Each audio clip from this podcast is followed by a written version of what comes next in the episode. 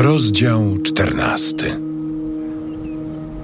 Za czasów Amrafela, króla Shinearu i Arioka, króla Ellasaru, Kedor Laomer, król Elamu i Tidal, król Goim, wszczęli wojnę z królem Sodomy, Berą, z królem Gomory, Birszą, z królem Admy, Shinabem, z królem Seboim, Szemeeberem i z królem miasta Beli, czyli Soaru.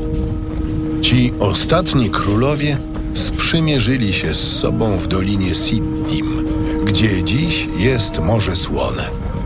Przez lat dwanaście byli oni lennikami Kedorlaomera, a w roku trzynastym zbuntowali się. To też w czternastym roku nadciągnął Kedorlaomer wraz z innymi królami. Pobili oni Refaitów w Aszterot Karnaim, Zuzytów w Ham, Emitów na równinie Kirjataim i Chorytów w ich górzystym kraju Seir aż do El, które leżało na pograniczu pustyni Paran. Potem, zawróciwszy, dotarli do En-Mishpat, czyli Kadesz, i pobili Amalekitów na całej ziemi, a także Amorytów mieszkających w Hasason Tamar.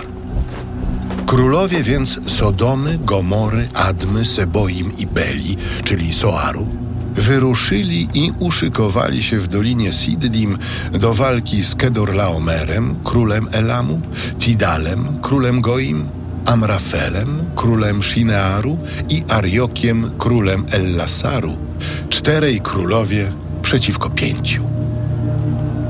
A w dolinie Siddim było wiele dołów, z których wydobywano smołę. Królowie Sodomy i Gomory, rzuciwszy się do ucieczki, skryli się w tych dołach, a pozostali uciekli w góry. Zwycięzcy, zabrawszy całe mienie mieszkańcom Sodomy i Gomory oraz wszystkie ich zapasy żywności, odeszli. Uprowadzili również Lota, bratanka Abrama, wraz z dobytkiem. Był on bowiem mieszkańcem Sodomy. Jeden ze zbiegów przybył, aby powiedzieć o tym Abramowi Hebrajczykowi, który mieszkał w pobliżu dębów pewnego Amoryty imieniem Mamre, brata Eszkola i Anera, sprzymierzeńców Abrama. Abram, usłyszawszy, że jego krewny został uprowadzony w niewolę, dobrał sobie 318 najbardziej doświadczonych spośród sług swojego domu i rozpoczął pościg aż do Dan. Podzieliwszy swych ludzi na oddziały, nocą napadł wraz z nimi na nieprzyjaciół i zadał im klęskę. A potem ścigał ich aż do Choby, która leży na zachód od Damaszku. W ten sposób odzyskał całe mienie, a także sprowadził na powrót Lota wraz z jego dobytkiem, kobietami i sługami.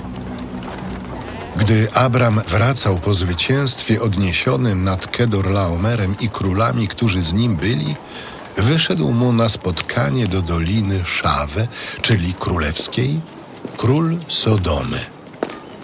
Melchizedek zaś, król Szalemu, wyniósł chleb i wino, a ponieważ był on kapłanem Boga Najwyższego, błogosławił Abrama, mówiąc: Niech będzie błogosławiony Abram przez Boga Najwyższego, Stwórcę nieba i ziemi.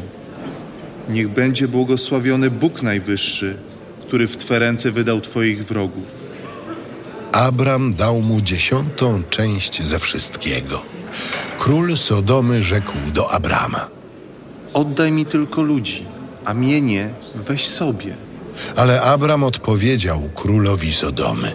Przysięgam na Pana, Boga Najwyższego, Stwórcę nieba i ziemi, że ani nitki, ani rzemyka od sandała, ani niczego nie wezmę z tego, co do Ciebie należy, żebyś potem nie mówił, to ja wzbogaciłem Abrama.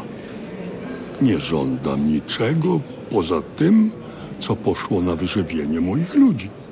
i oprócz części zdobytego mienia dla tych, którzy mi towarzyszyli. Dla Anera, Eszkola i Mamrego. Ci niechaj otrzymają część, która im przypada.